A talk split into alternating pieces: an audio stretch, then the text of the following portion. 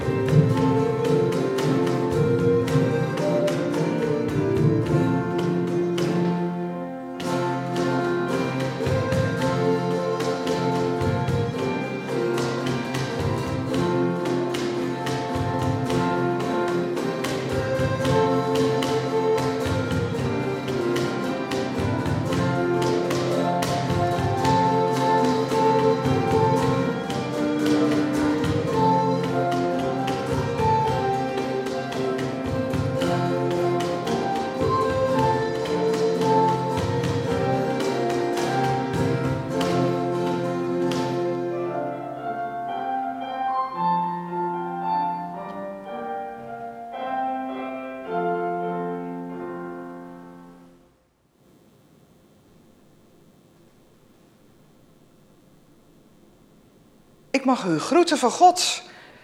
God is groot en goed voor ons allemaal.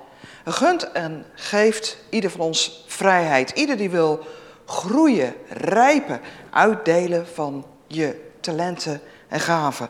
En wij zijn verbonden in de wijnstok Jezus. Met onze schepper door Gods geest. Amen. We gaan met elkaar bidden om Gods ja, aanwezigheid in deze viering met ons. Lieve goede, trouwe God en Vader, we komen tot u en we weten dat we helemaal afhankelijk zijn van u in deze barre winter. In kou, in sneeuw, in storm, in alles wat er vanuit pandemie op ons afkomt, vanuit de regels die ons opgelegd zijn voor onze gezondheid. We zijn zo aan alle kanten beperkt dat we graag ons uitstrekken naar u en zeggen: God wil met ons zijn in deze viering. Laat ons niet alleen. Sla uw armen om ons heen. En vooral om hen die u het hardst nodig hebben. De mensen die op straat moeten doorbrengen in deze kou. De mensen die op de vlucht zijn, die in tenten moeten bivakeren. De mensen die met van alles aan eerste levensbehoeften worstelen omdat ze daar tekort aan lijden. Maak onze handen ook sterk en strek onze handen naar hen uit, zodat we hen ook van uw goedheid, uw warmte, uw liefde kunnen laten meeproeven. Zo bidden we u in Jezus' naam. Amen. We luisteren naar het lied Bless the Lord, my soul. Zegen de Heer, mijn ziel. En dat zullen Willem Lindeman en Wessel samen spelen.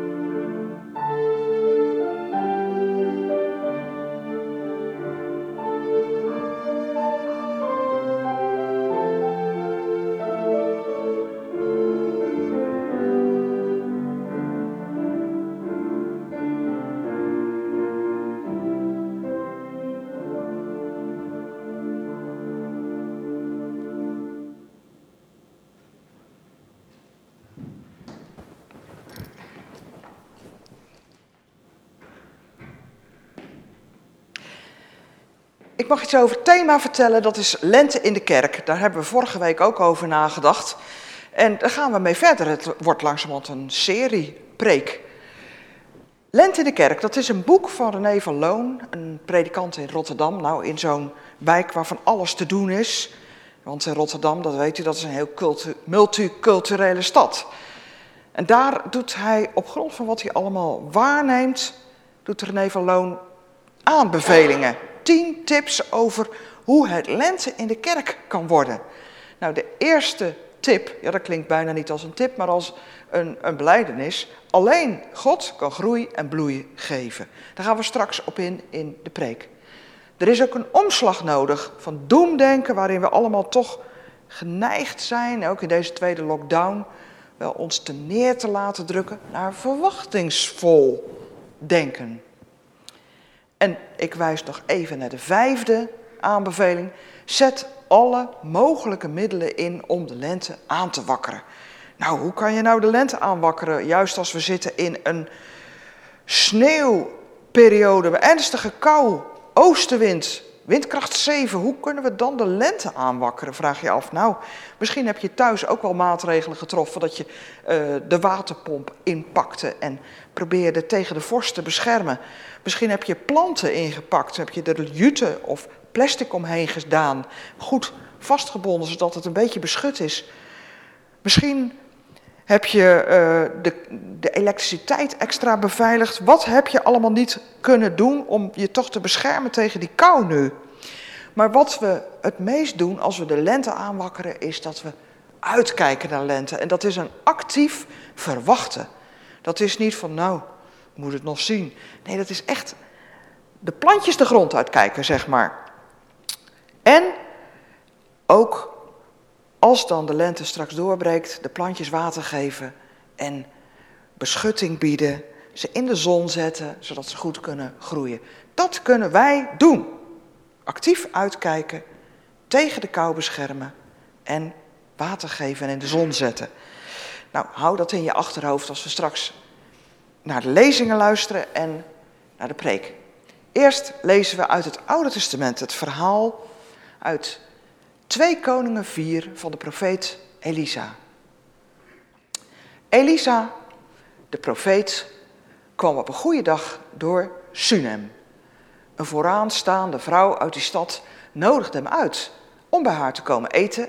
En voortaan onderbrak hij elke keer als hij door Sunem kwam zijn reis om bij haar te eten.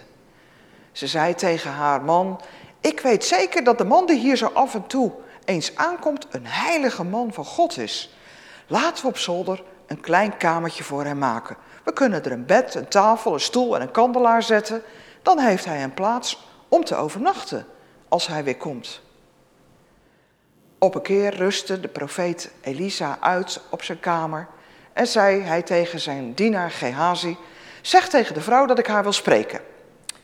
Toen ze kwam, zei hij tegen Gehazi: Vertel haar dat we haar vriendelijkheid erg op prijs stellen en vraag haar of we misschien iets voor haar kunnen doen. Wil ze bijvoorbeeld dat ik een goed woordje voor haar doe bij de koning of bij de bevelhebber van het leger? Nee, antwoordde de vrouw, ik leef hier onder de mensen en ik ben volkomen tevreden. Wat kunnen we voor deze vrouw doen? Vroeg Elisa naderhand aan Gehazi. En zijn knecht opperde, ze heeft geen zoon en haar man is al behoorlijk oud. Roep haar nog eens bij me, droeg Elisa hem op. Ze kwam en bleef in de deuropening staan, terwijl hij tegen haar zei, volgend jaar om deze tijd zul je een zoon hebben. Och man van God, riep ze, maak me toch niks wijs. Maar het was waar.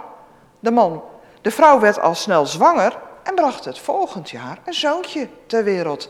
Precies zoals Elisa had voorzegd. Op een dag, de jongen was al wat ouder, zocht zijn vader op die op het land aan het maaien was. En opeens riep hij, vader, mijn hoofd, mijn hoofd. En zijn vader zei tegen een van de knechten, breng hem snel naar huis, naar zijn moeder. De jongen werd thuisgebracht en zijn moeder nam hem op schoot. Maar rond het middaguur stierf de jongen. De moeder legde haar zoon in vertrouwen op God via Elisa op het bed van de profeet. Deed de deur van de kamer op slot. En daarna stuurde ze haar man de boodschap: Stuur een van de knechten met een ezel hierheen. Ik moet zo snel mogelijk naar de profeet. Ik ben zo weer terug. Waarom vandaag? vroeg haar man. Het is toch geen sabbat of feestdag? Maar ze zei: Stil maar, het is goed. En ze kieste dus voor om al haar leed en geloofsvertrouwen niet te delen met haar man, maar voor zichzelf te houden. En ze zadelt de ezel en zegt tegen de knecht: Snel, drijf hem zo snel mogelijk op en als het langzamer moet, zeg ik het je wel. Toen deze vrouw de berg Karmel naderde, zag Elisa haar uit de verte komen. En zei tegen Gehazi, kijk, daar komt de vrouw uit Sunem aan. Loop snel naar haar toe en vraag wat er aan de hand is. Overtuig je ervan dat alles goed is met haar man en kind. Ja hoor, zei ze tegen Gehazi, alles is goed. Maar toen ze bij Elisa kwam, viel ze op de grond voor hem neer, greep zijn voeten. En Gehazi probeerde haar weg te trekken, maar de profeet zei, laat haar maar begaan. Ze is erg verdrietig. En de Heer heeft niet tegen mij gezegd wat het is. En toen zei ze, u hebt gezegd dat ik een zoon zou krijgen en ik heb u gesmeekt, maar niets wijs te maken. Geen valse hoop te wekken. Elisa wendde zich tot Gehazi en zei, snel, pak mijn staf. Praat met niemand onderweg, haast je. En leg die staf op de jongen. Maar de moeder van de jongen zei, ik zweer bij God dat ik niet zonder u naar huis terug ga. En dus ging Elisa met haar samen op weg. Gehazi ging vooruit en legde de staf op het kind. Maar er gebeurde niets. Er was geen teken van leven te bespeuren. Hij ging terug Elisa tegemoet en hij zei, het kind is nog steeds dood. En toen Elisa het huis binnenging, lag het kind inderdaad dood op het bed van de profeet. Elisa ging de slaapkamer binnen, sloot de deur achter zich en bad tot de Heer. Daarna ging hij op de jongen liggen met zijn mond op de mond van het kind, zijn ogen op de ogen van het kind, zijn handen op diens handen. Het lichaam van het kind werd warm. En de profeet ging naar beneden, liep een paar keer door het huis heen en weer en ging weer naar boven. En weer ging hij boven op het kind liggen. En deze keer nieste de jongen zeven keer. en deed zijn ogen open. De profeet riep Gehazi, roep de vrouw hier, zei hij alleen maar. En toen ze binnenkwam, zei hij, hier is je kind, je zoon. Ze viel aan zijn voeten neer, pakte daarna haar zoon op en ging de kamer uit. Sober verhaal. En we luisteren naar het lied Wil je wel geloven dat het groeien gaat?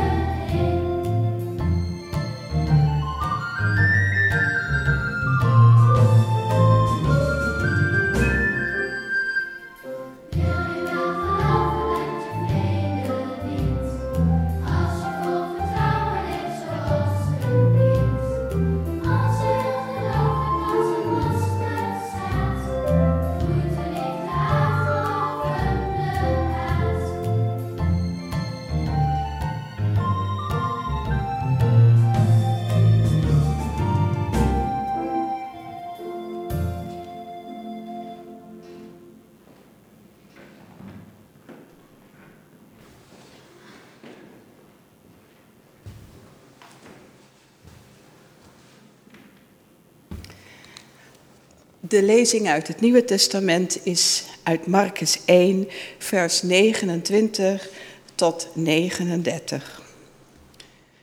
Toen ze uit de synagoge kwamen, gingen ze rechtstreeks naar het huis van Simon en Andreas, samen met Jacobus en Johannes.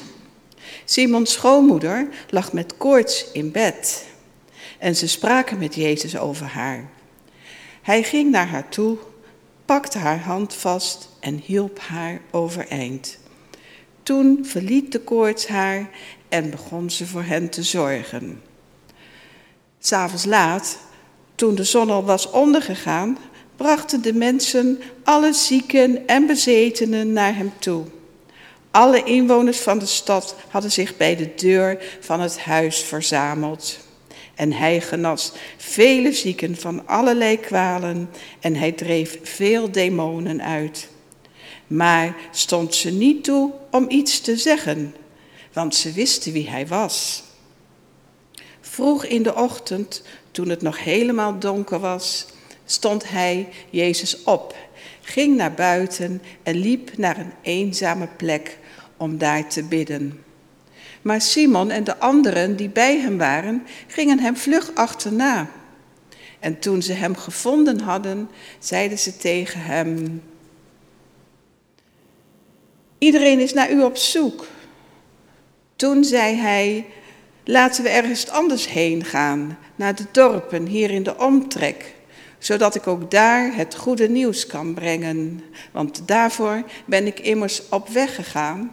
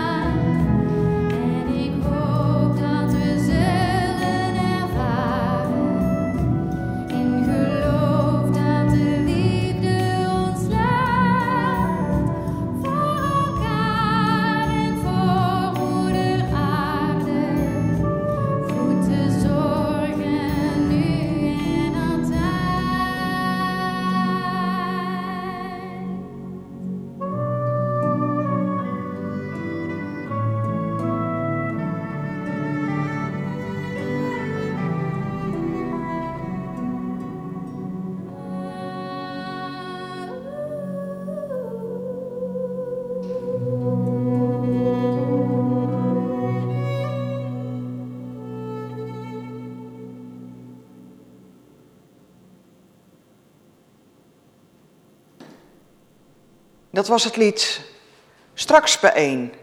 En ja, nu zien we elkaar weer van een scherm. Het houdt niet op. Het blijft nog even saai. We lopen weer tegen de beperking aan, nu niet alleen door de lockdown die voortgezet is, maar ook nog doordat de winter alsnog is toegeslagen.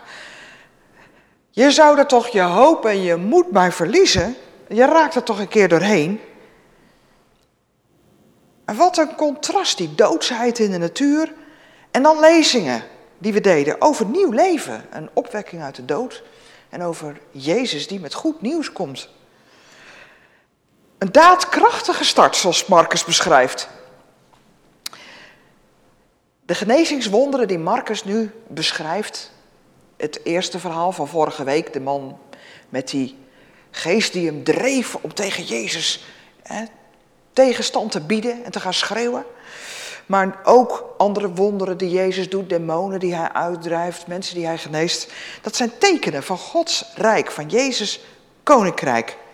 Maar eigenlijk willen de mensen die instant genezingen wel, dat is natuurlijk fijn, prettig. Maar waar het naar verwijst, naar Gods rijk, dat pakken ze niet. Want dat ligt natuurlijk te ver, die stip op de horizon. Liever de kortste klap. Ik ben nu ziek en ik wil nu genezen worden. Nu is er een pandemie, nu dat virus, en dus nu het vaccin. Nu en niet wachten. We moeten overleven. De mensen wachten dus niet. Er is geen geduld om te zien waar de tekenen die Jezus doet naar verwijzen. Ze gunnen Jezus zijn rust ook niet. Dat merk je in het verhaal wat Boukje las. Ze gunnen Jezus niet dat hij zich afzondert en contact met God zoekt om de balans te hervinden. Om even alleen te zijn, om op te laden. Nu iedereen aan Jezus trekt en een beroep op hem doet. En toch neemt Jezus zijn rust. Zo heeft ieder mens het nodig om te kunnen groeien, om ook rust te nemen.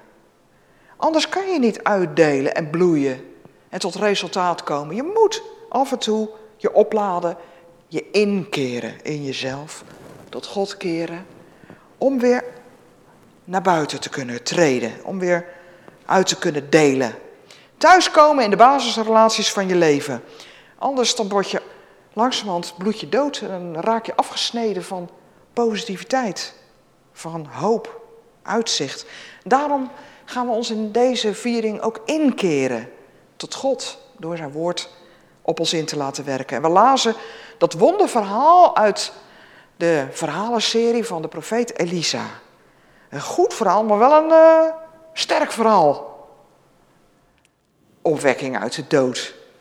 Wie zit er nou op zo'n verhaal te wachten? Dat, staat toch helemaal, dat heeft dan niks met de realiteit te maken. En als we het over de realiteit nu hebben, dan is het, uh, ja, eenzaamheid, thuis tegen de muren opvliegen. Hoe motiveer ik nu nog mijn kinderen om weer achter een schermpje aan dat huiswerk bezig te zijn?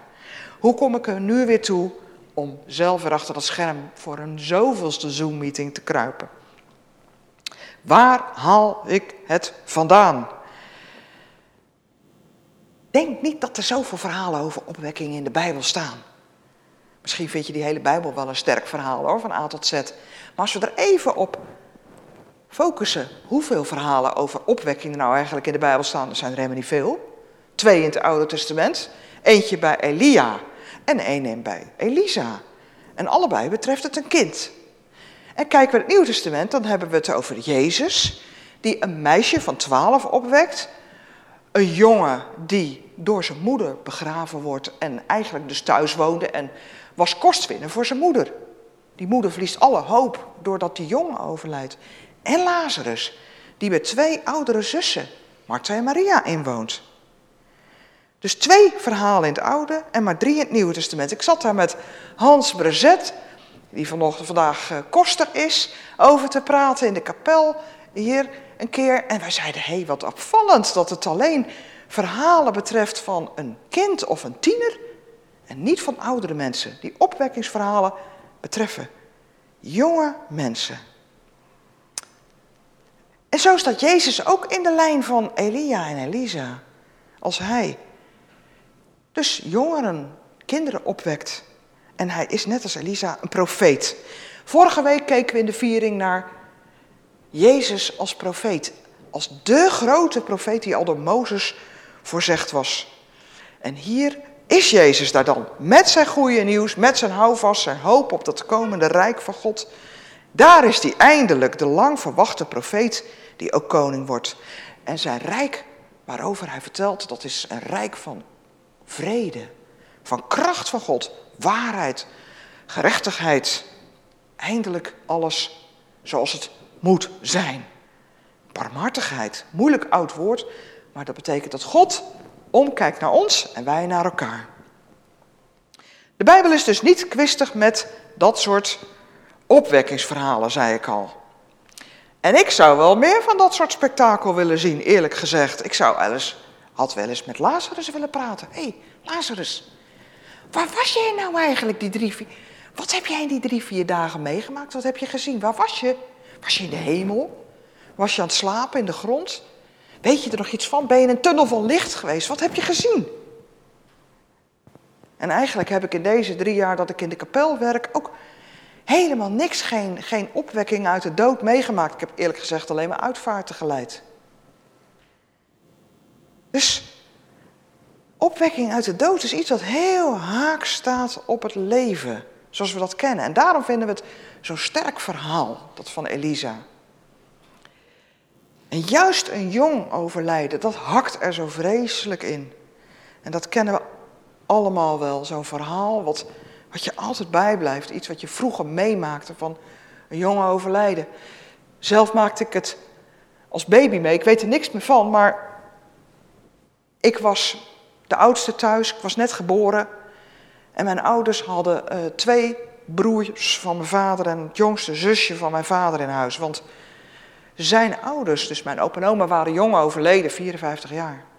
Dus mijn ouders, net een kindje, zorgden ook voor twee pubers en een meisje van 12. 13 ging net naar de middelbare school. En dan op een dag is ze geschept door een vrachtwagen. Op slag dood. En dit gebeuren heeft mijn familiegeschiedenis diep gestempeld. En het, ik heb het niet meegemaakt, tenminste niet bewust. Maar het wordt doorverteld. En juist omdat het zo haak staat op het leven, maakt het zo'n diepe indruk. En zo'n onverwacht overlijden van een kind, dat, staat, dat maakt diepe indruk. Maar zo kan je ook voorstellen dat een opwekking van een, juist een jong iemand, een kind, een tiener, ook enorme indruk heeft gemaakt op achterblijvers. De moeder in het verhaal van Elisa, die had voordat ze zwanger werd eigenlijk de hoop al op een kind opgegeven. Ze was tevreden, zei ze tegen Elisa, nee, ze had niks te wensen. Er staat niet in de tekst of zij of haar man onvruchtbaar waren. Wel zegt Gehazi, de knecht, ze is uh, getrouwd met een wat oudere man. Kortom, dat is de vraag of daar nog een kind komt. De hoop op een kind was al opgegeven en dat is in Israël heel iets ingrijpends geweest. Geen nageslacht, geen leven dat na jouw leven doorgaat, geen kleinkinderen die misschien wel de, het herstel van het rijk van God mee gaan maken of de Messias gaan zien. En toen kreeg die vrouw wel hoop, omdat Elisa dat haar zei. Jij gaat met een jaar een kind krijgen. Een zoon zelfs. Nou, wat zullen die twee blij geweest zijn. En juist dat kind sterft. Had me toch geen hoop gegeven, gooit ze Elisa voor de voeten. Het blijkt valse hoop, want nu ben ik dat kind ook kwijt. Maar Elisa weet van Gods kracht en hoe belangrijk het is om hoop te hebben en te kunnen koesteren. Juist voor je vertrouwen in God, juist voor het vertrouwen in, in het leven zelf, in de toekomst. Zonder hoop is er geen leven. In de kerk is de stemming ook wel eens gedrukt. Neem nou eens het afgelopen jaar. Ja, we weten het al. Ledenaantallen lopen achteruit. Er zijn veel kerkverlaters. Krijg brieven van mensen dat ze zich uit willen laten schrijven. Juist in actie, kerkbalanstijd. En dan is er ook nog eens corona en die ontneemt ons de gelegenheid, de kans om samen te komen. Om ons te ontmoeten. We zien helemaal geen kinderen meer in de kapel. Tieners zien elkaar alleen maar. Eén keer per maand, dooiboel. Kort en goed. Dooiboel, ja. En alles wordt ons afgepakt door een onzichtbaar virus. Eenzaam, Geen ontmoeting, geen oase-momenten hier in de kapel. Zou het voorbij gaan voor de kerk? Is de kerk al overleden en staan we hier alleen nog tegen het karkas, de kapel aan te kijken? Of zou er toch ondergronds iets ontkiemen? Wordt het toch lente in de kerk? Zelf hou ik me er graag mee bezig om toch hoopvolle tekens te zien. Om iets boven de grond te zien, ontkiemen, wat misschien toch ondergronds al lang aan het groeien is. En dan denk ik nog een keer aan dat boek Lente in de Kerk en die tien aanbevelingen. En daar kijk ik nog eens naar die eerste. Die eerste twee tips. Alleen God kan groei en bloei geven. En er is een omslag nodig van doemdenken naar verwachtingsvol denken. Nou, om die twee aanbevelingen uh, aan te nemen, om daar wat mee te kunnen doen, moet je echt wel geloof hebben. Hè? Ja, je moet, je moet er geloof voor hebben, anders dan kan je het niet aan God overlaten. Dat alleen God groei en bloei brengt. Maar ik zie wel tekenen, hoopvolle tekenen om ons heen. Als er mensen bijvoorbeeld vragen, kunnen we bidden? En ze vragen dat zelfs als je ze opbelt, omdat je elkaar niet kan ontmoeten. Dan is dat een hoopvol teken. Samen mogen bidden via telefoon. En dat de mensen die al heel lang niet in de kapel zijn geweest in een dienst, en nu online meekijken, omdat de drempel lager is. Dat is ook zo'n klein krokuspuntje boven de grond. En dat wie iets nodig heeft een beroep kan doen op vrijwilligers, dat er zomaar ineens twintig extra vrijwilligers klaarstaan van uh, stroop mijn mouwen op, kom maar op met je hulpvraag. Waarin kan ik je helpen? Vorig voorjaar kwamen de vragen over, kun je me de tuin helpen doen? Maar er kunnen van allerlei vragen zijn. Wil je mijn pakket ergens ophalen, mijn, mijn voedselpakket, zulke vragen komen er. Kun je me naar het ziekenhuis brengen? Wil je mijn medicijnen ophalen? Wil je de hond voor me uitlaten? En het gebeurt. We hebben elkaar nodig en we zijn aan elkaar gegeven. Er zijn ook bloembollen uitgedeeld en die groeien zomaar zonder aandacht en water, waar je bij staat. Tekens dat God groei en bloei geeft. Er zijn adventskaarsjes uitgedeeld voor de kerst. En zo werd er een lichtnet in onze gemeente aangelegd.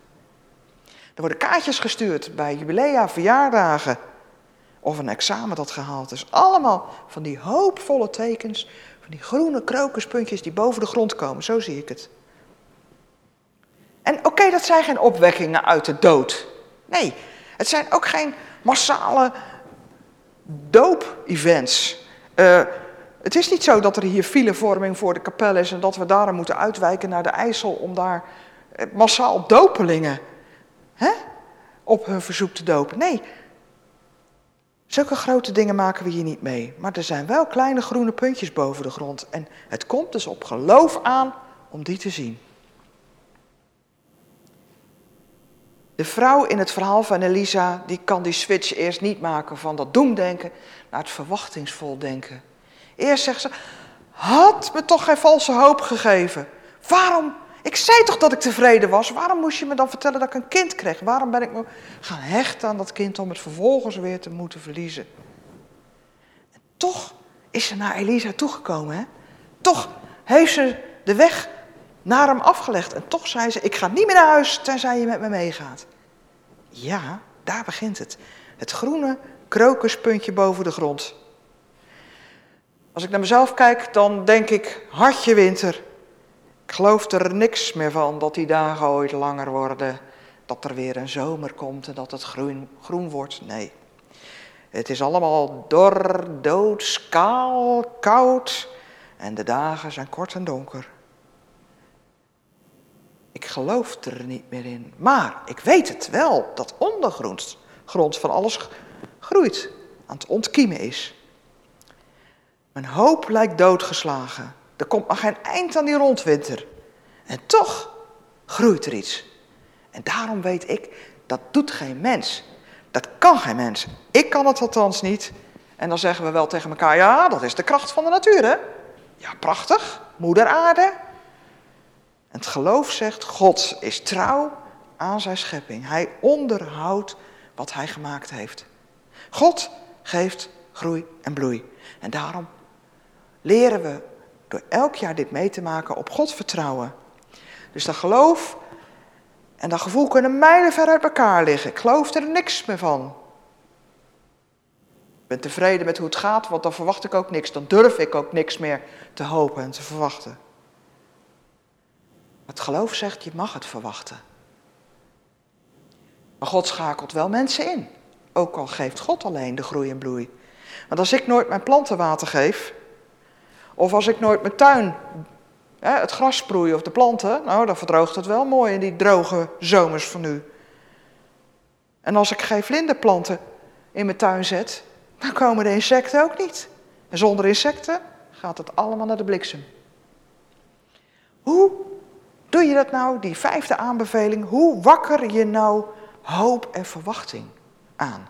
Hoe wakker je nou die lente in de kerk aan? Hangt dat dan van mij af, hoe vlammend ik dat opwekkingsverhaal vertel? Nee.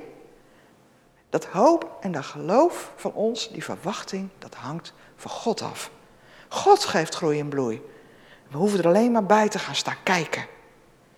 En juist waar wij het niet meer verwachten, als wij, waar we ook niet kijken, waar we met onze ogen niet op gericht waren, omdat wij het al afgeschreven hadden, kan achter onze rug iets plaatsvinden waar het onze dood als een pier leek. Dat wij over andere mensen of over onszelf zeggen, ja, het is onvruchtbaar, die kunnen geen kinderen meer krijgen. Of die en die is door arts opgegeven. Of, ja, ik ben geen, geen hetero, dus ik kan geen kinderen krijgen. Ik heb geen toekomst in dat opzicht. Of ik heb een ontslag in mijn werk.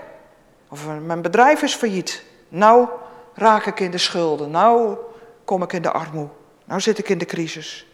Of ik zit in een burn-out, ik kan niks meer. Of mijn huwelijk is voorbij. Dat komt meer, niet meer goed. Of ik had een goede vriend. En ik had contact met mijn familie, maar het is ergens helemaal kapot gegaan, verstoord geraakt. Komt nooit meer goed. Maar wij zeggen afgeschreven voorbij, dood, daar kan God toch komen en iets doen ontkiemen. Zelfs in de kerk. God werkt nu terwijl wij hier samen zijn in deze viering. Hoe wakkeren wij dan die lente aan? Hoe doen we dat bij elkaar? Hoe vuren we elkaar aan om op te letten, om attent te zijn op elkaar, maar ook op wat doet God? We lijken verbonden met alleen maar ene en nullen door schermen. En ja, weer kijk je tegen een scherm aan vandaag. Maar toch zijn we echt verbonden met elkaar in Jezus' naam. Want God belooft het om bij ons te zijn. En dan is het ook echt zo. Zoek die groene puntjes van de hoop maar op. De krokusjes. Maak een ander erop attent. Kijk, daar groeit iets. Onzichtbaar misschien. Je zou er zo overheen kijken. Ondergronds grotendeels, maar Gods rijk groeit vast en zeker door onze doodse beleving heen. Door Gods geest.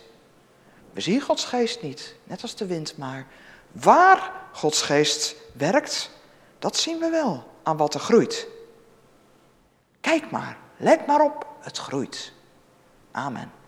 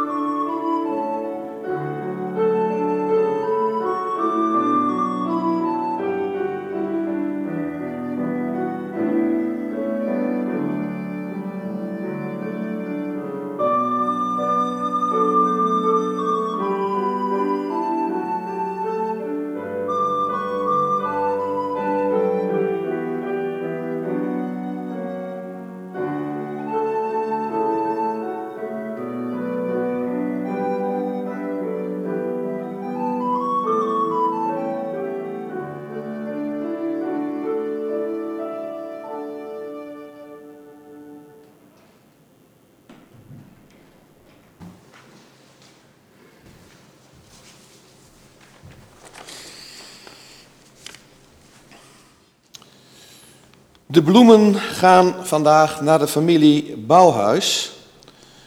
Want zij waren 17 januari jongsleden 55 jaar getrouwd. Namens de gemeente van harte gefeliciteerd. Dit waren de mededelingen.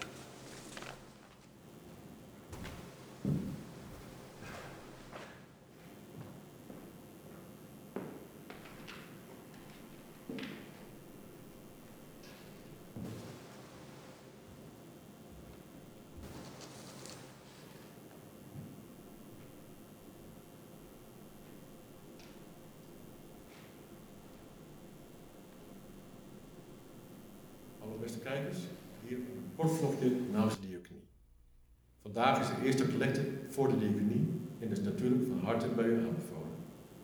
Op zich is de diaconie bij u bekend. En toch ben ik hier bezig met het maken van een korte presentatie om het nog meer onder uw aandacht te brengen. Want het is goed om te delen wat we al doen en wat we willen. Juist nu in deze tijd, dat mensen misschien extra aandacht nodig hebben. Wij vertalen dat naar hele praktische hulp. Hulp waar het kan.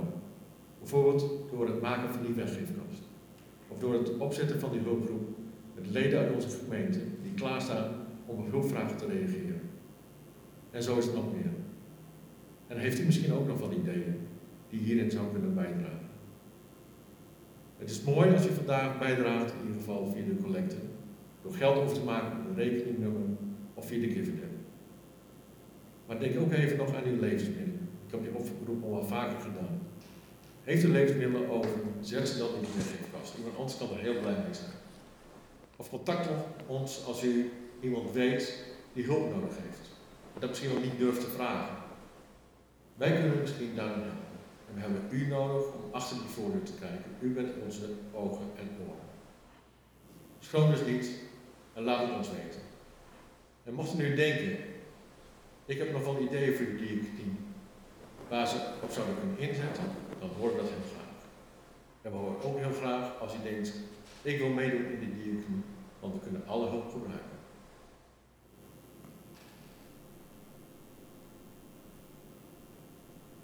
Wij gaan met elkaar danken en bidden. En de laatste tijd vraag ik via de WhatsApp, waar zullen we voor bidden? Want ja, we kunnen niet hier het zomaar het boek invullen waar we anders voor de dienst onze voorbeden in schrijven. Nou is er gevraagd om te bidden voor de jonge mensen, voor studenten, jongeren, die deze periode natuurlijk als heel indrukwekkend uh, ervaren, maar als een periode ook van ja, beperkingen en eenzaamheid. En als een zware tijd. We zullen voor hen bidden en ook voor alle leerkrachten en ouders en kinderen, omdat morgen de scholen weer open gaan. En hoe zal dat gaan? Want ja, dus het uh, slechte weer speelt natuurlijk een, een, rol. Zullen ze wel naar school kunnen komen? Zijn de scholen er ook op voorbereid? Durven alle scholen het aan? Laten we bidden voor veiligheid. En dat God ons allemaal bewaart. In wat er ook op ons afkomt nu. We zullen danken en bidden. Trouwe goede God en Vader, wij mogen vertrouwen dat U met ons bent. We hebben het gelezen in het verhaal van Elisa.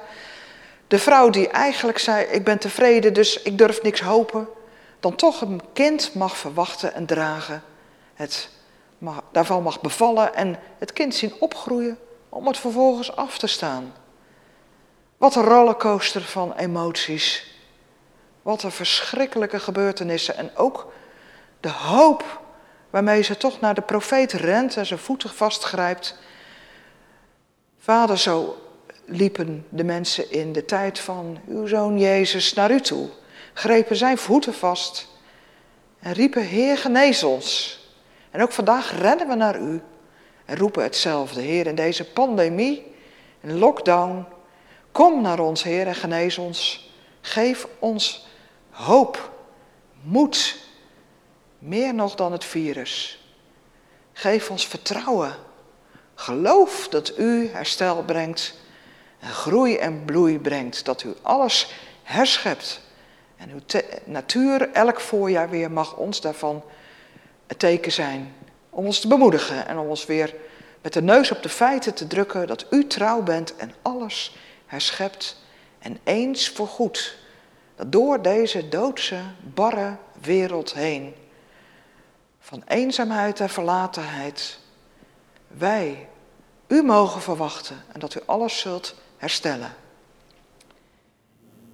Heer, concreet bidden wij u voor de jongeren en studenten die in deze tijd studies, opleidingen moeten proberen te doen en volbrengen, die afhankelijk zijn van schermen en van de beperkingen, de beperkte mogelijkheden nu om toch een opleiding te doen. Wilt u de leerkrachten zegenen? Ook concreet morgen als de basisscholen weer open gaan. De kinderen zegenen en ouders. Alle mensen die onderweg moeten naar scholen, naar werk, die vervoer op zich nemen, wil hen allemaal veilig bewaren. Ook in het verkeer morgen, door de sneeuw. Heer wil zo ons laten zien dat we op U mogen vertrouwen. In stilte leggen we voor U neer waarvoor we nog geen voorbeden gedaan hebben.